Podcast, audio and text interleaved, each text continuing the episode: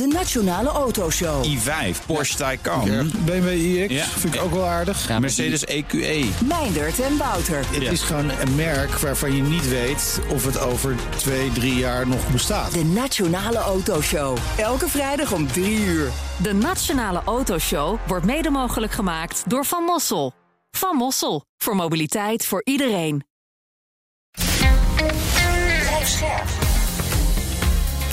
BNR Nieuwsradio. Boekenstein en de Wijk. Paul van Liemt. En welkom bij Boekenstein en de Wijk op zoek naar de nieuwe wereldorde met Arend-Jan Boekenstein. Is een voorbeeld voor ons allen, want hoe ouder hij wordt, hoe succesvoller hij is. En natuurlijk Rob de Wijk, cosmopoliet, de man met de allerbeste internationale bronnen van Nederland en ik denk ook van Europa. We gaan praten over de nucleaire dreiging in Zaporizhia. Met de gast atoomfysicus Wim Turkenburg, emeritus hoogleraar aan de Universiteit Utrecht. Heel veel respect voor deze man, maar dit is een fijn programma. Wij gaan elkaar allemaal tutoyeren en iedereen is het daarmee eens. We beginnen met het, eh, het Oekraïnse leger. Want volgens het Oekraïnse leger zijn er sterke aanwijzingen dat Rusland een terreurdaad voorbereidt bij de kerncentrale. Maar ja, wat weten we er eigenlijk van? Weten we of het waar is? Beginnen met Wim. Nee, nee, dat weten we zeker niet. En vandaag eh, is ook alweer een bericht gekomen, ook vanuit Oekraïnse zijde, dat eh, toch die dreiging weer is afgenomen. Ik eh, vind het niet geloofwaardig ook. Dus als daar zeg maar, een ramp zou worden veroorzaakt en dat moet door een, een of andere ja, bomontploffing dan plaatsvinden, dan zou Rusland zich toch in hoge mate zelf treffen. Althans, de manschappen die aan de Oekraïnse kant eh, een deel van Oekraïne eh, bezet houden. Dus ik vind het niet eh, waarschijnlijk. En eh, het is ook heel moeilijk om daar een grote ramp te veroorzaken. Dat wil ik ook meteen zeggen. Ja, dat wilde ik eigenlijk aan het laatste. misschien eerst even over- vragen, dat doen we zo. Maar Rob? Ja, misschien eerst even over eh, wat Wim zei. Dat klopt natuurlijk dat eh, Rusland eh, zichzelf ook raakt. Eh, er zijn sites waar je heel nauwkeurig kunt zien hoe de slagorde is en waar welke troepen liggen. Wat heel erg opmerkelijk is, is dat in de buurt van de kerncentrale liggen heel weinig Russische troepen. Die zijn daar niet gestationeerd. Dat geldt eigenlijk helemaal aan eh, de zuidkant eh, van dat voormalige stuwmeer. Dus eh, waar nu gewoon gezellig de eh, doorheen loopt. Maar er zijn heel weinig troepen gestationeerd. Er liggen ook heel weinig reserves. Die zitten ook op grote afstand. Dat is ook een van de redenen waarom ik mij altijd heb afgevraagd... van wat is nou eigenlijk aan de hand? Waarom zijn daar zo weinig Russische troepen? Ja, Arend-Jan, dat, is, dat blijft inderdaad, dat kun je, daar kun je namelijk heel veel interpretaties op loslaten. Waarom zijn die er? Is dat een, een schijnmanoeuvre? Ik weet het niet, maar je kan ook veronderstellen van dat ze het misschien toch gaan doen. Maar, maar er gaat één vraag aan vooraf. Van, ik zag eh, twee dingen. En dat wil ik graag aan eh, Wim Turkenburg voorleggen. Ik zag een, een tweet van een RIVM-man. Die zei, nou, het valt allemaal best wel mee, want het meeste staat uit. Hè? En de impact is 0,004 of 0004 van Tsjernobyl. Hè? En ik zag gisteren een, eh, een verklaring van Amerikaanse kerngeleerden... dat het ook werd overdreven, het gevaar. Hoe, wat, wat gebeurt er nou als het daadwerkelijk... eh, en dan moet je dus een verschrikkelijke bom moet je hebben... want je komt er allemaal niet zomaar doorheen. Hoe, hoe groot is, is, is de straling nog? Ja, je moet dan echt denken dat er een eh, sabotageactie eh, plaatsvindt. Dus inderdaad een zware bom. Eh, en dan is het niet voldoende om bijvoorbeeld die koelvijver die er is, om die op te blazen. Dat zal niet die grote ramp geven. Eh, als er, eh, het grootste gevaar zie ik eh, bij die kerncentrale in de opslag van radioactief afval in splijtstofstaven.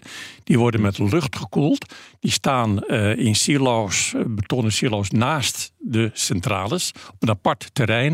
En als daar een zwaar bombardement op zou plaatsvinden, dan zouden al die splijtstofstaven kunnen openbarsten. En dan komt er een gigantische radioactieve wolk vrij. En die drijft dan, ja, afhankelijk van de wind, ergens naartoe. Ja, dat zou kunnen, maar dat zou kunnen, dat is dus ook één van de mogelijkheden.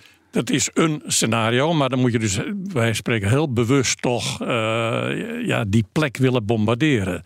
Eh, en als dat dan zou plaatsvinden, dan heb je niet een scenario à la Tsjernobyl. Maar bij, in dit ene scenario kom je dan wat meer in de richting, ook niet helemaal, maar je zou kunnen zeggen van Fukushima. Dus dan heb je eh, dat er toch eh, tot op eh, 10, 20 kilometer afstand mensen geëvacueerd moeten worden. Maar er zitten niet zo gek veel mensen meer in dat gebied, eh, begrijp ik. En je krijgt dan effecten die nog merkbaar zijn tot zo'n 100, 200 kilometer. En dan bij op die langere afstand moet je dan denken dat er dan bijvoorbeeld geen voedsel meer mag worden gegeten. Bijvoorbeeld spinazie van het veld. Of dat je net als Nederland toen Tsjernobyl plaatsvond, de koeien binnen, binnen moet houden. Ik, dat is het meest zware scenario wat ik zie. Ja, dat laatste, laten we het even vanuit Nederlands perspectief. Is het dus echt alleen de koeien binnenhouden? Ja, in Nederland helemaal niks. Nee, nee, in Nederland merken we er helemaal niets van. Dus eh, ook verhalen dat, dat heel Europa bedreigd wordt, wat Zelensky in het begin zei. Ja. Ja, dat is echt onzin.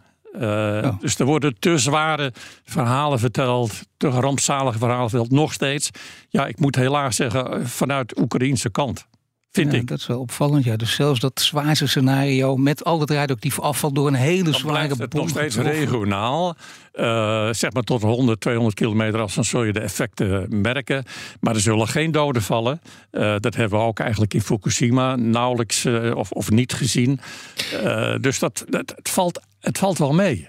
Eh, je moet wel een heel gebied... nou, het is een aantrekkelijk scenario. Militair Ja. gezien, eh, Wim, is dit een aantrekkelijk scenario. Want dat betekent dus dat je een behoorlijk eh, gebied ontoegankelijk maakt. Althans voor enige tijd. Fukushima, ik, ik ben er een keer langsgekomen. Daar, daar kan, kon je gewoon weer in na een tijdje. Dus dat is, dat is geen probleem. Maar het- dan is het een beetje vergelijkbaar met wat ze hebben gedaan... met het doorbreken van die dam. Eh, namelijk een gebied maak je tijdelijk eigenlijk ontoegankelijk. En eh, als je weet waar op dit ogenblik eh, wordt gedacht dat een grote doorbraak zou kunnen plaatsvinden, dan is dat in de westelijke Zaporizhia-oblast. En we weten ook dat de troepen worden gedirigeerd naar een mogelijk doorbrakenpunt. En dit zou de Russen kunnen helpen. Als ik jou, ehm, jouw ver- verhaal ehm, eigenlijk ehm, ja, interpreteer in, in militaire termen, om die Oekraïnse opmars toch enigszins tot staan te laten eh, brengen. Dat is Dat een is- interessant dat is scenario waar. wat dat betreft. Dat, dat Ja. zou je inderdaad Ja, eh, en, kunnen eh, in die regio. Ja. Maar, maar dan heb je. Ja, maar om dus en, die en- en een interessante opmerking. Eh, wa- Wacht even op. Om die koelstations eh, uit Ja, te ja. schakelen, dus zelfs als met die Kakovka-dam, heb je een verschrikkelijke bom nodig. Hè? Een HIMARS doet het niet. Ja, maar nogmaals, nou heb je het over het cool-systeem. Er zijn dus, je zou kunnen zeggen, er zijn, drie- laat ik, mag ik het als even, even Ja. uitleggen? Ja, graag Er zijn drie plekken Ja. zeg maar, waar radioactieve stoffen zitten. In de kern van de zes reactoren. In de koelbaden die je in de reactorgebouwen hebt. Oh ja. Die moeten ook permanent gekoeld worden. Daar zitten splijtstofstaven die gebruikt zijn. Die zitten vol met radioactief afval, gassen. En er zit dus eh, radioactief afval in splijtstofstaven dat al veel ouder is. Maar dat is in, met, wordt met lucht gekoeld in een aparte locatie. Zeg maar een aantal honderden meters weg van de centrales. Nou, als ik dat meest ernstige scenario zie, dan heb ik het over die laatste situatie. En daar moet je dan een bombardement op plegen. Als ik kijk naar de centrale zelf, dat hoor je vooral in de media, dan is men heel bang voor de koeling. Ik begrijp dat. Kan op twee manieren kan die koeling van die kern eventueel wegvallen. En ook van die splijtstofbaren. Dat is als er geen elektriciteit meer is. Eh, nou, daar hebben we voorlopig ook nog dieselgeneratoren die 10, 20 dagen kunnen functioneren. En ze hebben hersteld in elektrische. En er is één leiding hersteld, maar inmiddels is er ook weer een leiding weer afgesloten. Dus er is dus nog maar steeds één verbinding met het achterland, zeg maar. Dus het is nog steeds een kwetsbare situatie. Nou, dat is, daar zit een risico. Tweede is dus dat inderdaad de koeling, het water er niet meer is. Dat haalden ze uit het zeg maar, grote meer dat nu voor driekwart is leeggelopen. Eh, dat kunnen ze ook halen eh, vanuit een thermische centrale, een fossiele brandstofgestookte centrale in de nabijheid. Die hebben ook koelwater nodig. En dat water kunnen zij ook gebruiken bij die, en hebben ze ook gedaan bij die kerncentrale. Dat koelwater Ze kunnen, kunnen ze, ook- ondanks dat bijna lege stuurmeer, toch nog van Ja, het ja, ze hebben bijgelegen gebied vandaan Ze hebben voldoende water. Ze hebben een koelvijver. Het is een heel groot meer. Zou je kunnen zeggen, althans drie kilometer. Ja, dat vind ik wel groot. Eh, ook vrij diep, eh, Mhm. 16 meter diep. Dus er zit ontzettend veel eh, water in. Als je daar die dam zou wegblazen, en dat is het scenario wat, eh, wat je net noemde. Ja, dan zou dat inderdaad leeg kunnen lopen of leeglopen. Maar dan heb je dus ook nog alternatieven. Nog een ander alternatief is bijvoorbeeld dat de grond, en dat doen ze al, grondwater oppompen nabij de centrale. En dus je kunt ook, en je hebt niet zo gek, gek veel koelwater nodig. Want die centrales die staan al heel lang uit. En je hebt hoeveelheid koolwater nodig, zeg maar minder dan 1% ten opzichte van het volledig in bedrijf zijn van die totale centrale. Dus je hebt maar vrij weinig koolwater nodig. En ja, er zijn dus verschillende scenario's in daar, om daarin te voorzien. En je kunt zelfs nog voorstellen, want er is tijd genoeg, ook als de koeling uh, en de stroom weg zou vallen. De, de reactoren die zijn uit. Uh, er verdampt al wel wat water. Dat moet je dan aanvullen. Maar het duurt daar ook nog wel, eh, denk ik, twee weken voordat je werkelijk uh, de boel droog hebt staan. En er dan een meltdown zou kunnen plaatsvinden. Natuurlijk geen ramp, maar de militaire interpretatie die blijft dus heel interessant. Want ja, als je met Fukushima vergelijkt, erop zei het ook. Kijk, dan kan dit echt betekenisvol zijn. Ja, ja, maar goed, je moet dus goed kijken naar wat dan het meest plausibel is. En er wordt bijvoorbeeld dan gezegd, er worden splinkstoffen op het dak van reactor nummer, uh, van het gebouw ja. van reactor nummer 4 geplaatst. Er zijn ook foto's te vinden met witte spotjes. Dat, dat, er zit iets en men weet niet wat. Maar ja, als je daar een explosief hebt, dat, dat, dat, dan kun je niet die reactorkern opblazen via het dak. Dus dan beschadig je wel de reactor, maar daar veroorzaak je niet een grote ramp uh, mee. Dus het wordt te zwaar aangezet door Oekraïne, maar ook door media, vind ik, in Nederland. Uh, omdat die centrales inderdaad al acht, acht, maanden tenminste uitstaan, valt het eigenlijk wel mee. Koelwatervoorziening is niet zo'n groot probleem. Uh, grootste gevaar is sabotageactie, bewust bombarderen, bijvoorbeeld van die opslagplaats waar uh, luchtgekoeld ja. afval staat. BNR Nieuwsradio. Boekenstein en de Wijk op zoek naar de nieuwe wereldorde. Dit is Boekenstein en de Wijk. En dat programma is natuurlijk niet zonder Arend-Jan Boekenstein en Rob de Wijk. Mijn naam is Paul van Liemt. We praten met atoomfysicus Wim Turkenburg, emeritus hoogleraar energie aan de Universiteit Utrecht. Media hebben het te groot gemaakt. Ja. Ik, ik, wil niet in herhaling vervallen, maar in dit geval moet het toch even die militaire interpretatie kan natuurlijk wel toch groter zijn dan we denken. Of kun je daarvan ook zeggen, nou, dan kun je gewoon wegvaren, niks aan de hand. Nee, nee, nee, nee. Ik denk dat, uh, dat, dat Rob dat beter overziet uh, dan ik. Uh, dat is denkbaar. Ja. Dat het vanuit militair oogpunt voordelig ja. vanuit Russische kant zou kunnen zijn om een bepaald gebied minder toegankelijk te maken. Maar kijk, dat minder toegankelijk. Ja, kijk, ik heb, ik heb natuurlijk ik heb natuurlijk ook gekeken naar uh, van wat zijn de scenario's. En uh, ik ben heel blij met de uitleg. Kijk, uh, die, die koeling, dat bassin waaruit wordt geput, daarvan zegt Oekraïne, daar zijn mijnen geplant. dus dat kan worden opgeblazen. Nou, oké, Wim die zegt van dat is niet het allergrootste probleem. Maar de uitleg die hij heeft gegeven over het het eh, bombarderen of opblazen of wat dan ook van die, uh, uh, van die opslagplaatsen waar radiomateriaal, radioactief materiaal ligt, dat is natuurlijk echt een, een, een, belangrijk punt. En daarvan zeg ik, nou ja, dat, dat kan militair een enorm voordeel gaan opleveren. En uh, aanvallen tegen de structuur of van de kerncentrale zelf, daar geloof ik ook niet zo in. Want we weten dat dat ongelooflijk sterk is. Ja. Ook daar weer allerlei verhalen over explosieven op het dak. Dat schijnen nu weer mitrailleurnesten te zijn. Dus uh, er wordt een hoop desinformatie overigens uitgespreid. Uh, ja. dat was natuurlijk ook de bedoeling om, om dat nou eens te proberen te ont, ontkrachten. Ja. En dit is denk ik wel een echt een belangrijke discussie om dit echt in zijn perspectief ja, te, te, plaatsen. En wat je gewoon continu ziet, is dat uh, al nagelang uh, iemands pet staat, die dreiging wordt opgepookt. En vanochtend is hij weer een klein beetje verminderd. Boedanov van de militaire inlichtingendienst van Oekraïne heeft gezegd: Nou, die dreiging neemt nu weer een beetje af. En waar dat allemaal op gebaseerd is, ik heb werkelijk geen idee ja, ja. Nou, ik vind ook van belang dat op de plant uh, de IAEA, het atoombureau in Wenen, aanwezig is. Dat vind ik een groot voordeel. Die mensen zijn totaal onafhankelijk. Zijn Internationale atoomgenootschap, agentschap is dat, hè? Het agentschap in, in Wenen. Uh, die zijn daar permanent, een paar mensen. Uh, en die hebben bijvoorbeeld geïnspecteerd bij die koelvijver of er inderdaad mijnen liggen. En dat die opgeblazen worden. En ze hebben niks gevonden. Uh, ja. ja. Nou, maar daarvan wordt gezegd van het atoomagentschap, die, die zijn toch, uh, die houden dus officieel toezicht, zijn afhankelijk van Russische medewerking. Dus ze zijn niet overal geweest, zeggen ze. Hè? Ze zijn niet overal geweest. Het Ja. is natuurlijk zo dat de IAA, dat is een internationale organisatie. En ook Rusland is daarbij betrokken.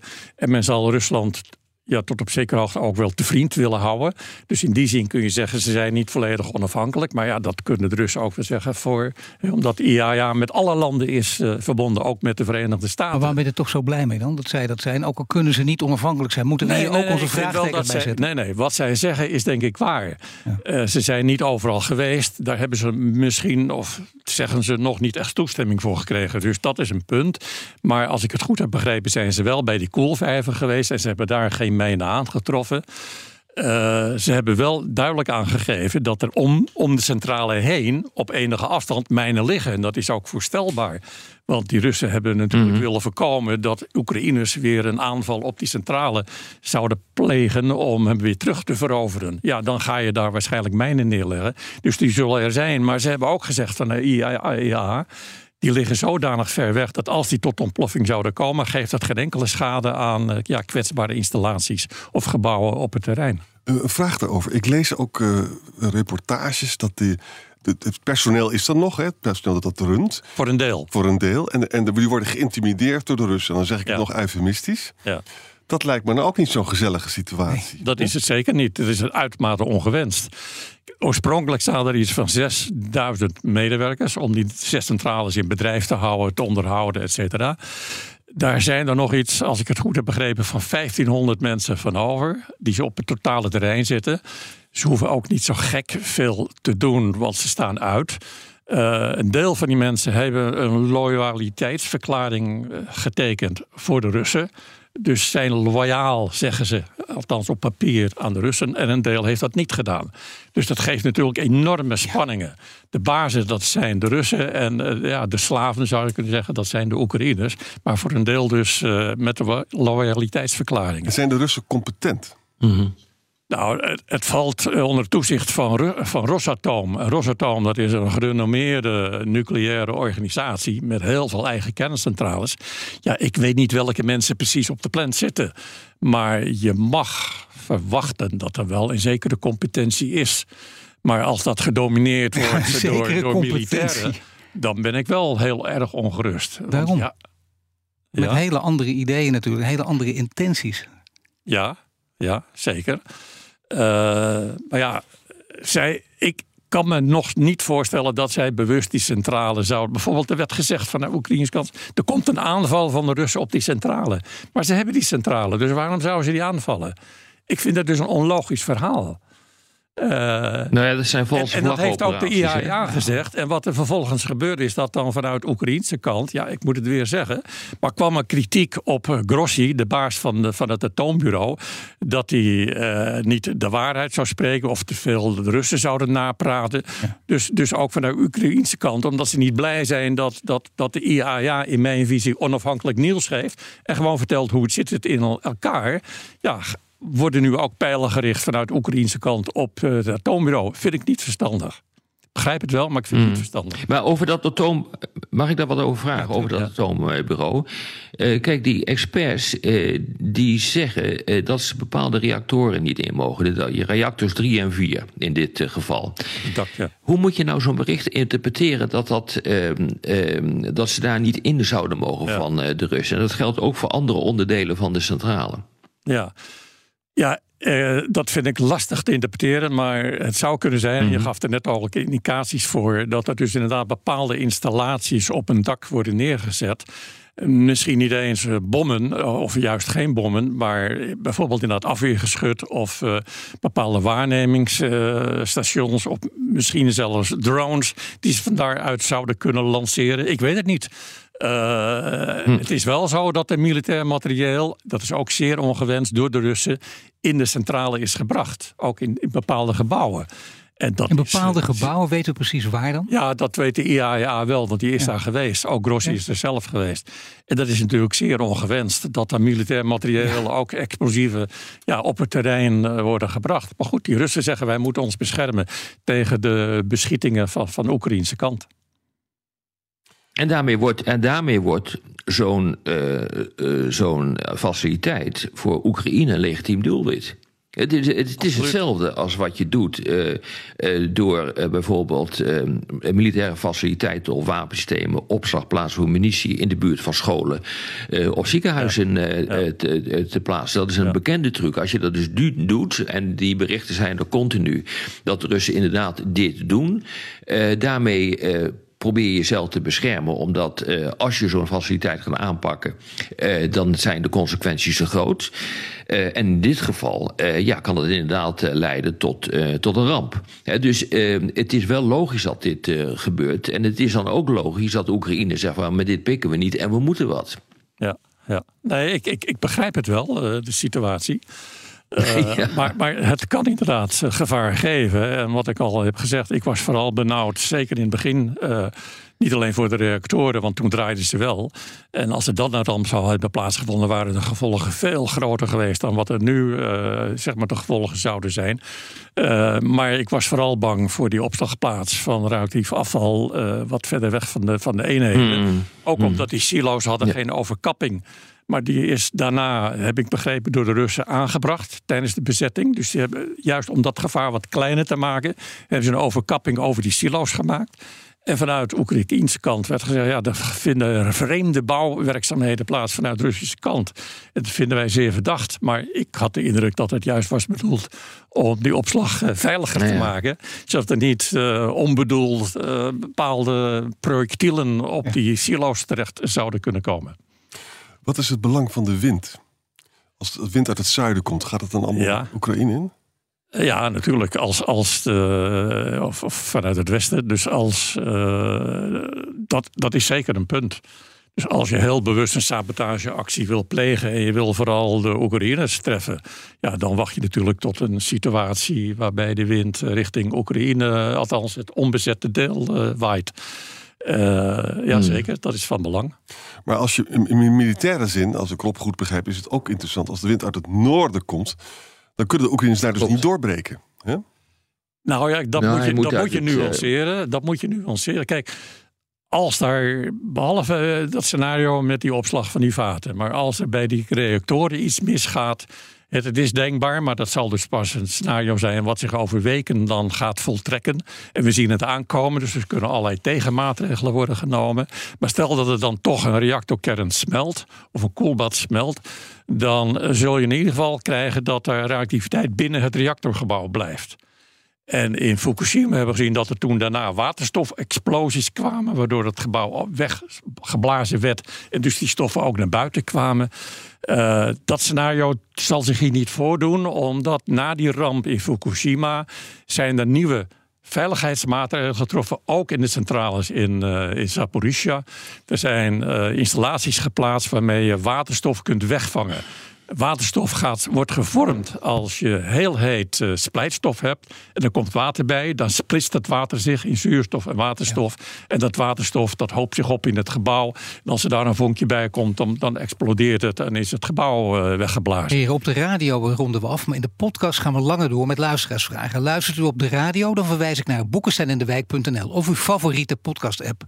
Ja, meneer Turkenburg, Wim, hè, eventjes ja. belangrijk om dit verhaal af te maken. Want kijk, uh, we kunnen zeggen, er is, uh, als ik probeer een soort stand van zaken, hè, de, zeg maar als het niet waar is, corrigeer me graag zelfs. Dan denk ik, ja, de, geen ramp, daar moeten media niet meer overdrijven mee ophouden. Maar militair is nog van alles aan de hand. Wie spint hier het meest scharen bij? Dat weten we nog steeds niet. Het ja. kan voortdurend op en neer gaan, dat gaat het ook per dag. Ja. Dus we weten het nog steeds niet. Ja. Nou ja, het wordt nou, ook gebruikt. Toch, toch wel Zelfs hoor. hoe de wind staat. Maar het wordt ook gebruikt, denk ik. Nee, ja, nee maar toch wel. Ja, oké, okay, nee, toch wel. Nou, ik ben benieuwd. Rob, zeg ja, nou ja, kijk, als de wind uit het zuiden komt, als het wind uit het zuiden komt, dat stuurmeer, dat ligt er nog steeds. Dat is een groot uh, gebied. En het ligt ten zuiden van, uh, van dat stuurmeer. Dus dan gebeurt er helemaal niks op Oekraïns uh, gebieden, want er woont gewoon niemand. Het handigste militair gezien is om het uit het noorden of uit het ja. westen te laten komen, of ertussenin. dat is by far het handigste als je dat gaat doen. Ja. dat blijkt ook uit de troepenconcentraties. Als hij uit het noorden komt, dan worden er nauwelijks Russische troepen geraakt. Komt hij uit het westen, dan raak je dus wel Russische troepen en die kan je terugtrekken, maar dan wordt het gebied uh, niet goed uh, te betreden voor Oekraïnse troepen die daar in toenemende mate liggen. Dus uh, als je het militair bekijkt, moet moet je het uit het noorden of uit het westen laten komen of ertussenin. Ja, ja. Ja. Nee, dat, dat is waar. Uh, maar, maar stel dat er in die reactor, dat wou ik nog even zeggen, iets mis zou gaan.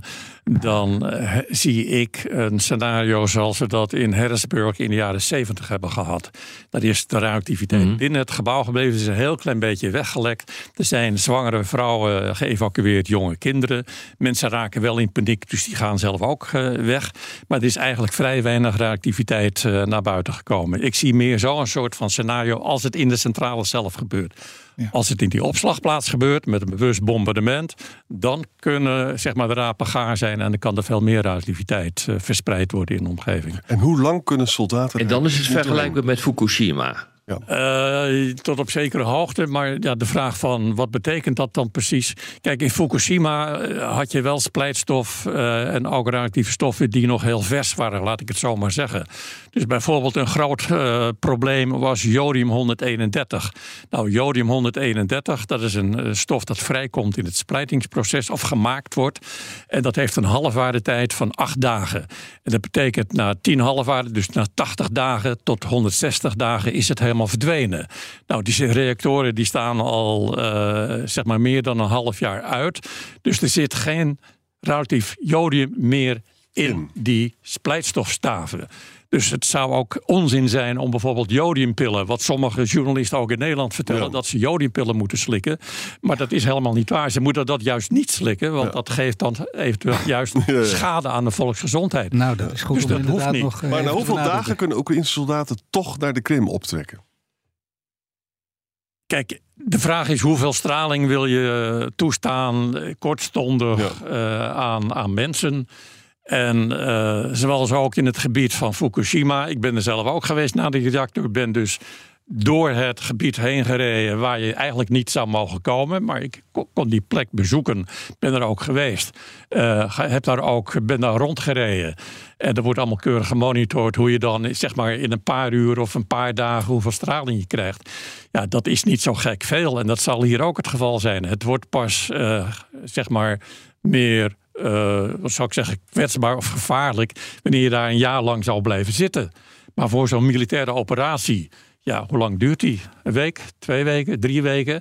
Ik denk dat je daar nog steeds dan ook naar zo'n uh, wolk wel doorheen zou kunnen lopen. Maar dan accepteer je dat die mensen een verhoogde stralingsdosis hebben ontvangen. Maar goed, als daar een padstelling zou ontstaan, waardoor ze langer dan een jaar zitten, is er wel een probleem. Dan, is het, uh, dan, dan kan het een probleem, zeker. zeker ja. Er is er een, een, vraag binnengekomen die door meerdere luisteraars ongeveer op dezelfde wijze is gesteld. En die luidt: waarom is internationaal toezicht en beveiliging van kerncentrales in conflictgebieden zo slecht geregeld? Op de radio, Wim Turkenburg, heb je er iets over gezegd. Maar dit is toch blijkbaar iets wat bij veel mensen nog regelt: dat het zo slecht geregeld is. Daar heb je wat aan afgedaan. Zo slecht is het ook al niet geregeld. Maar waarom is die beveiliging moeilijk geregeld? Ja, kijk, kerncentrales zijn niet van de internationale organisaties, die zijn van landen zelf en hoe die daarmee omgaan. En die internationale organisaties kijken toe als ze dat mogen van die landen. Die geven advies. En dan is het weer aan die landen of ze zeg maar, de aanbevelingen overnemen. Dus de, het atoombureau in Wenen zegt al heel lang... er zou een gedemilitariseerde zone moeten zijn rondom die kerncentrales... van bijvoorbeeld vijf of tien kilometer. Er mogen helemaal geen gevechtshandelingen plaatsvinden. Er moet vrij kunnen worden gewerkt in zo'n centrale. Uh, onderhoud moet worden gepleegd. En dat gebeurt ook heel slecht in, deze, in de centrale in Zaporizhia. Dus die internationale organen hebben wel uh, zeg maar zeggingsbevoegdheid, maar niet, uh, geen controle over de site. Nee, komt het erop neer dat je dus heel beperkt kunt monitoren dan? Nou, monitor is weer wat anders. Uh, maar als de Russen zeggen je mag niet komen, dan, dan, dan kunnen ze daar niet terecht. Zeker. Ja, dus dat betekent uh, eigenlijk zou je gedemilitariseerde zones moeten hebben. Dat is, uh, kijk, je loopt er lang mee. Het ja. is denkbaar dat dat ook gaat gebeuren. Want ik bedoel, dat zou wel veel helderheid scheppen. Het zijn nogal uh, bedreigende situaties. Nou, ik, ik, denk dat daar zeker internationaal verder over gesproken zal gaan worden. Naar aanleiding van wat er hier in Zaporizhia is gebeurd. dan moet je weer internationaal tot overeenstemming komen over zo'n afspraak. En vervolgens, stel dat dat lukt, dan is vervolgens de vraag: gaat men zich daaraan houden? Want, en wat doe je dan als men zich er niet aan houdt? Dan kun je eigenlijk weinig doen. Ja, ja maar dat, dat is toch niet af te spreken? zoiets. Ik bedoel, dat betekent dus eigenlijk dat je soevereiniteit over een deel van je land moet opgeven. Een faciliteit die in dit geval een kerncentrale, die eh, eigenlijk een vitaal belang is voor uh, je land, voor uh, de stroomvoorziening. Ehm, daar heb je dan feitelijk geen zeggenschap meer over, over het gebied daaromheen, omdat die gedemilitariseerd wordt. Nou, ik denk dat je dat nooit voor elkaar krijgt in een oorlogssituatie. Ja, daar zou je misschien afspraken over kunnen maken uh, in vredestijd. Maar in de praktijk in, uh, zal, zullen die afspraken gewoon worden, uh, met voeten worden getreden. Omdat ja. men het idee heeft dat, dat de ander daar tactisch voordeel uit gaat halen. En, dus ik en zie dat meer, niet gebeuren hoor. Te meer omdat de Russen, kijk, zie het door het Russische perspectief. Die zijn doodsbang dat de Oekraïners dat aanvallen, de Zaporizhia. Want het is in Russische handen. En de Oekraïne wil natuurlijk heel graag dat aanvallen om dat veilig te stellen. Dus die zijn gewoon bezig met een, met een militaire bescherming daarvan. Dus de, de overleg, dat mislukt aan alle kanten, denk ik. Ja, nu, nu zeker, maar, maar in de toekomst. Ik denk toch dat er verder afspraken over zouden moeten komen. Zoals er ook verder afspraken moeten komen hoe je dus bijvoorbeeld het relatief afval in de, min of meer in silo's in de open lucht opslaat. Wat de situatie was. Maar wat nu, als ik het goed heb begrepen, door de Russen, eh, door er een dak boven te zetten, wat, wat is verminderd. Maar daar zul je verder afspraken Toch afspraken over dus maken. over soevereiniteit opgeven. Dus niet alleen op papier, maar ook ervan uitgaande in je hoofd dat dat praktisch haalbaar is en dat dat gewoon werkt in zo'n situatie? Nee, ik, ik denk uiteindelijk in militaire situa oorlogssituaties dat, Nee, dat geen afspraak eh, werkt. Nee. Nou, dan gaan we naar een andere vraag. Want de dreiging is het gevolg van eh, kans op nucleaire. eh, wat, wat is het, het gevolg van de kans op nucleair gevaar? En dan zegt een van onze luisteraars: die zegt.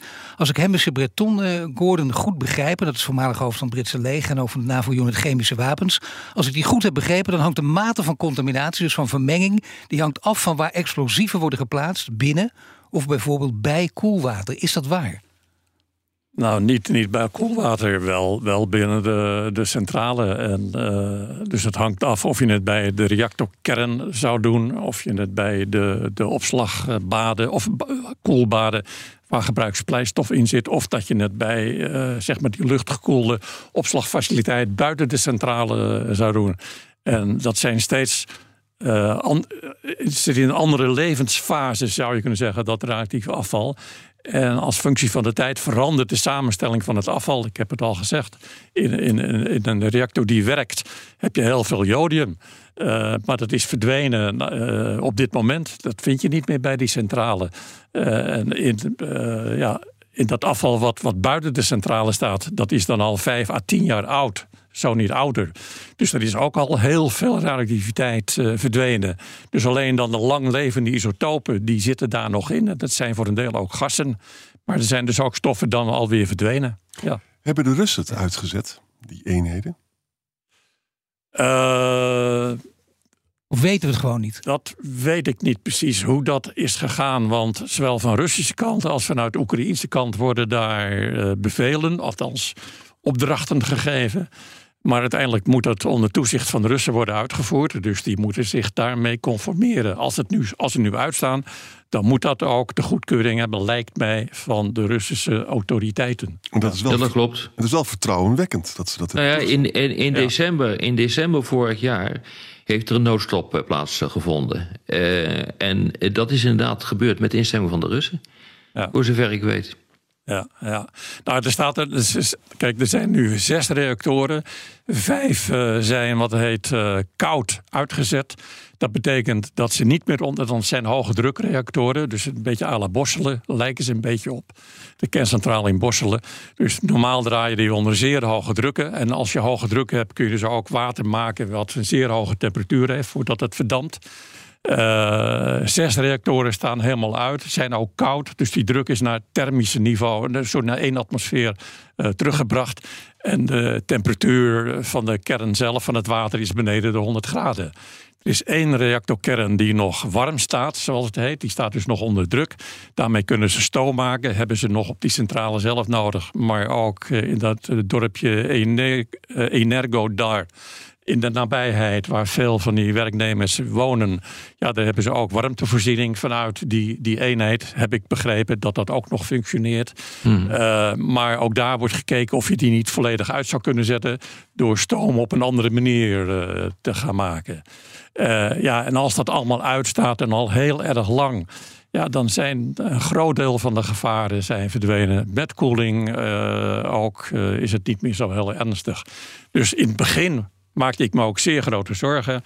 En nu vind ik het zorgelijk, maar ik vind het zeker niet levensbedreigend, de situatie op dit moment. Tenzij er sabotageacties of bewuste bombardementen zouden plaatsvinden. En ja, of dat waarschijnlijk is, dat uh, laat ik aan, uh, aan jou en, en, en Rob. Uh, ja, maar over. dat blijft dan toch wel boven het hoofd hangen. Die dreiging blijft natuurlijk wel bestaan, natuurlijk. Die dreiging kan er zijn, maar ja, ik zelf met alles wat ik ook nu net hoorde, vind ik het nog niet waarschijnlijk. Maar goed, we, ja.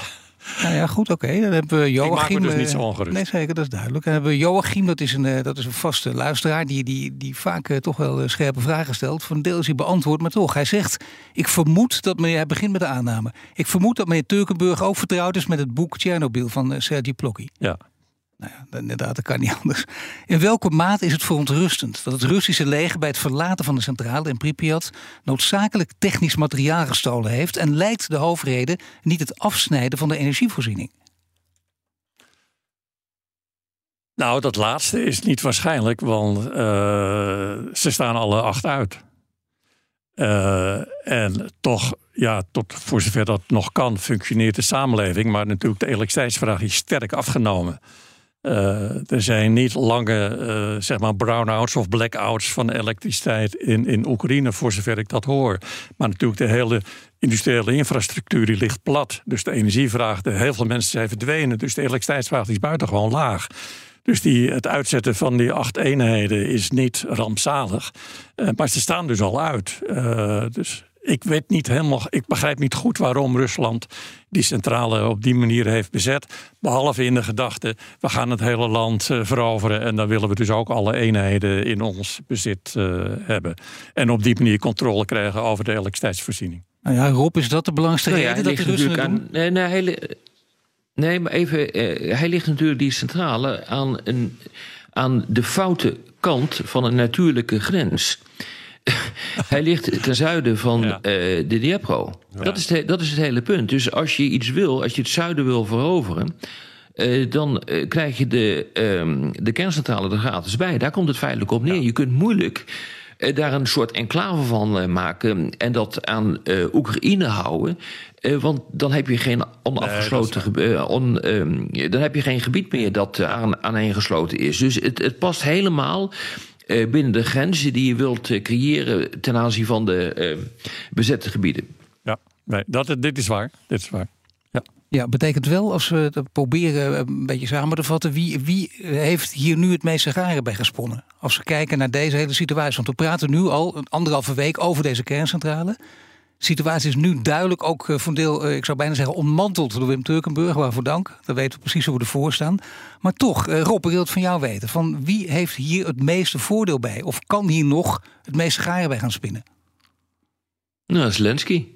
Want die kan dus voortdurend zeggen: wat moet je eens kijken, die Russen, wat die aan het doen zijn. En die uh, kan op dat moment uh, met veel meer kracht van argumenten ook nieuwe steun mobiliseren. om die strijd te kunnen, te kunnen winnen. Dat is denk ik wat, wat het is. En daarom zie je ook continu die hele discussie over het toename van de dreiging. Vandaag is dan de dreiging volgens uh, of ik heb het al eerder gezegd, van de militaire inlichtingendienst weer wat afgenomen. maar het is een fantastisch argument om de slechtheid van de Rus, uh, die zijn ook slecht, maar om de slechtheid van de Rus nog een keer keihard te onderstrepen. Ik bedoel, uh, en, en je maakt de mensen ontzettend bang met een kerncentrale. Want ze denken niet aan Fukushima, maar ze denken in de eerste plaats volgens mij aan wat er gebeurd is bij uh, Chernobyl. Dat is ook in uh, de Oekraïnse re retoriek een aantal malen uh, gezegd. Dus nee, wat dat betreft is een fantastisch argument voor Zelensky om het Westen verder onder druk te zetten. Dus, ja. dus propaganda technisch komt het Zelensky heel goed uit. Hè? Ja. Daar begon je eigenlijk ook mee. Ja. Maar militair vind ik wel dat als je de zaak zou willen afsluiten naar de Krim. En zeker als daar dus een padstelling zou ontstaan, dan is dat in het Russisch voordeel, lijkt me. Je, je hebt gewoon ja. een gebied waar je niet lang kan verblijven. En dat zou dus een argument kunnen zijn voor Oekraïne om af te zien van, de, van die eh, campagne naar de Krim. Ja, plus als er een eh, ramp zou plaatsvinden, dan zul je er ook mensen voor moeten gaan inzetten. Eh, dat is dus ook wat wordt gezegd in de media. En ik begrijp dat, eh, dat, dat de aandacht wordt afgeleid van de oorlog. En dat er meer mensen, Oekraïners ook, misschien in het gebied zelf, als ze dat willen gaan veroveren, ja, bezig moeten zijn met die ramp en de gevolgen daarvan. Ja, ja, ja. Dat betekent dat je niet kan vechten, maar dat je... Ja. Je kan het moeilijk met speciale pakken Nou, gaan het is vechten. heel vergelijkbaar met die damdoorbraak. Ja, Echt heel vergelijkbaar met die damdoorbraak. Ook dat heeft een tijdelijk effect gehad. En als ik eh, Wim Turkenburg eh, goed eh, beluister, en het is inderdaad vergelijkbaar met Fukushima, dan heeft dit ook een tijdelijk effect. En dat kan militair een enorm voordeel opleveren. Want je kan, eh, op dat moment kan je je eigen troepen gaan verplaatsen. Eigen, in dit geval Russische troepen kun je gaan verplaatsen. En naar andere mogelijke doorbrakenpunten. Eh, dus eh, militair gezien is het, een, eh, is het een scenario waar je in ieder geval rekening mee moet houden. Maar dat zal je alleen maar doen in, het, in uiterste nood, als je het echt niet meer kunt redden. Ja, Ja. kijk even naar Wim Turkenburg. Heeft hij het goed begrepen? Ja, ja ik denk, ik denk dat, dat, dat het waar is. En, en ook de analyse dat, denk ik, eh, Zelensky daar misschien het meest gade bij spint. Ja. Eh, tot op zekere hoogte eh, zal hij dat doen. Maar er zitten geen domme mensen in het Westen. Dus als hij onzin vertelt, ik zeg, ik zeg maar even keihard. Ja, dan weet men dat natuurlijk op regeringsniveau ook wel. Dus ik ben ook heel verbaasd geweest. Steeds weer komen er berichten toch vanuit de Oekraïnse kant... die het sterk aanzetten, overdrijven. In het begin was het heel Europa wordt bedreigd. Toen werd ik ook in, het was begin van de oorlog, een jaar geleden. Heel Europa wordt bedreigd als die kernramp, als daar een kernramp plaatsvindt. Ook toen was dat niet het geval. Ja, dan krijg je Fukushima-achtig scenario. Met Fukushima heeft toch ook Europa niet, eh, of, of het Zuidoost-Azië bedreigd. Dus het blijft tot op een afstand van zo'n zeg maar 200 kilometer dat je de effecten daarvan wezenlijk zou kunnen zien. En mensen moeten worden geëvacueerd, maar er vallen heel weinig doden, zo geen doden. Je zei het al, koeien binnenhouden, maar dan alleen maar in dat En gebied. voedselgebieden, eh, voedsel niet, niet, niet, niet winnen, maar inderdaad een bepaald gebied. Ja. Eh, dus het is te sterk aangezet, de angst eh, voor dit eh, scenario. Ja, dan wil ik dat toch nog wel even als laatste echt van Rob weten. Want dat is inderdaad wel vreemd. Ik bedoel, als dat echt bewust te sterk is aangezet... is het dan niet gewoon een, een, een zwakke zet juist van Zelensky? Nee, is onkunde. niet. Nee, kijk, realiseer je hoe eh, de moed op dit ogenblik is in het eh, Westen. En we moeten precies doen wat eh, Zelensky, waar Zelensky om eh, vraagt. Dat is ongeveer de strategie. Dat is natuurlijk niet echt de strategie. Eh, maar dan is elk argument eh, is er één. En zeker dit soort eh, argumenten waarmee je dus extreme angst eh, zou kunnen eh, zaaien. Dat je denkt van, verdomme, die Russen, daar moeten we echt wat aan doen. Laten we nog maar meer eh, wapens eh, gaan leveren. En eh, de analyse die Wim net heeft eh, gemaakt... moet natuurlijk ook op de allerhoogste niveaus bekend zijn. Maar er is ook een reden voor om eh, dat niet te omarmen. eh, en te zeggen van oké, prima, laten we dit argument ook gebruiken om zoveel mogelijk wapens eh, te zenden. Ik bedoel, ik ben voor die wapenzendingen hoor. Maar ik weet langzamerhand ook wel dat je toch met enig cynisme soms mag kijken naar wat regeringen op dit punt aan het doen zijn. En dit was Boekenstein en de Wijk. En namens Arend-Jan Boekenstein en Rob de Wijk zeg ik dank voor het luisteren. En speciale dank aan Wim Turkenburg, atoomfysicus en emeritus hoogleraar energie aan de Universiteit Utrecht.